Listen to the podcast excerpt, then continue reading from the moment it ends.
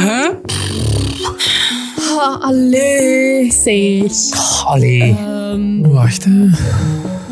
Je herkent het gevoel ongetwijfeld.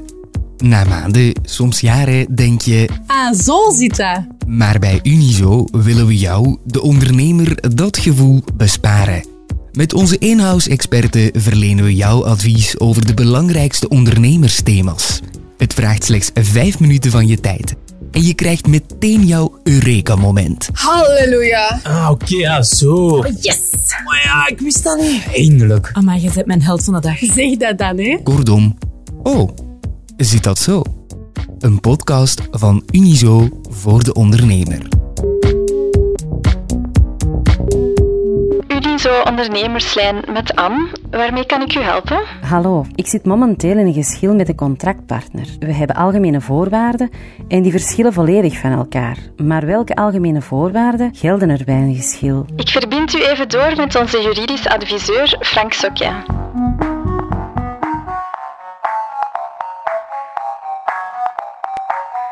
Wel, dat is een, eh, een vraag die we, wel, eh, die we wel vaker krijgen.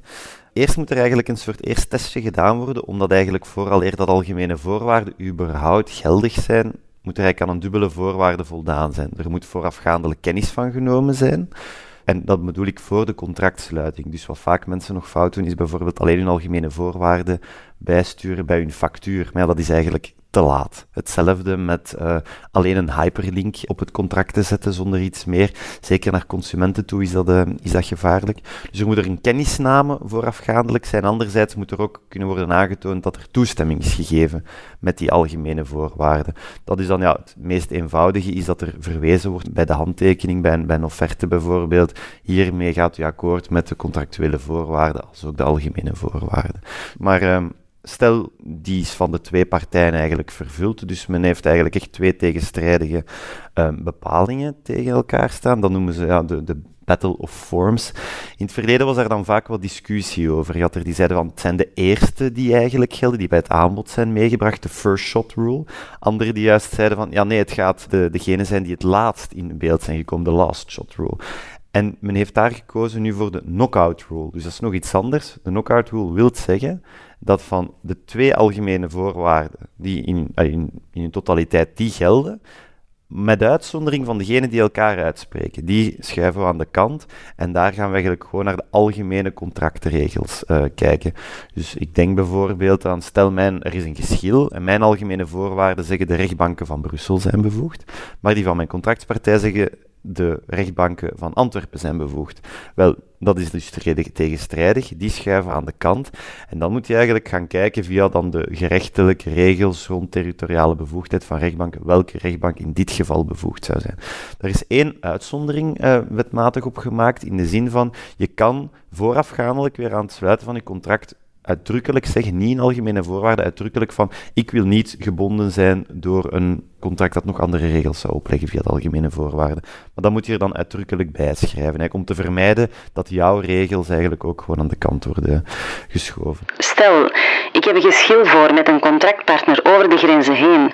Hoe zit het dan? In sommige landen, in Nederland bijvoorbeeld, geldt weer die eerste algemene voorwaarde, dus de first shot rule, zoals ik daar juist zei. Dus bij internationale contracten altijd belangrijk om te kijken onder welk recht valt, valt mijn contract, wat hebben we daarin geschreven. En zeker heel veel contracten, als het gaat over koopovereenkomsten met roerende goederen, die vallen onder het Weenskoopverdrag. En daar is in de regel de last shot rule van toepassing. Dus eigenlijk de laatste algemene voorwaarden die, uh, die zijn bijgebracht. Oh, zit dat zo? Is een podcast van Unizo. Met expertise van de studiedienst en de ondernemerslijn. Deze serie kwam mee tot stand dankzij onze partners Liantis, KBC, Intrum en Graden. De productie gebeurde door Laurens Bervoets, Babette Plesser en Lucas Medaar. Eindredactie was in handen van Philip Horemans en Jurgen Muis. Ben je lid van Unizo? Dan kan je net zoals de ondernemers in deze podcast contact opnemen met de ondernemerslijn voor gratis advies. Dat kan gemakkelijk op het nummer 02 21 22 678. Wil je beroep kunnen doen op onze in-house expertise, maar ben je nog geen lid van Unizo? Ga dan voor Samen Ondernemen En surf als de bliksem naar www.unizo.be.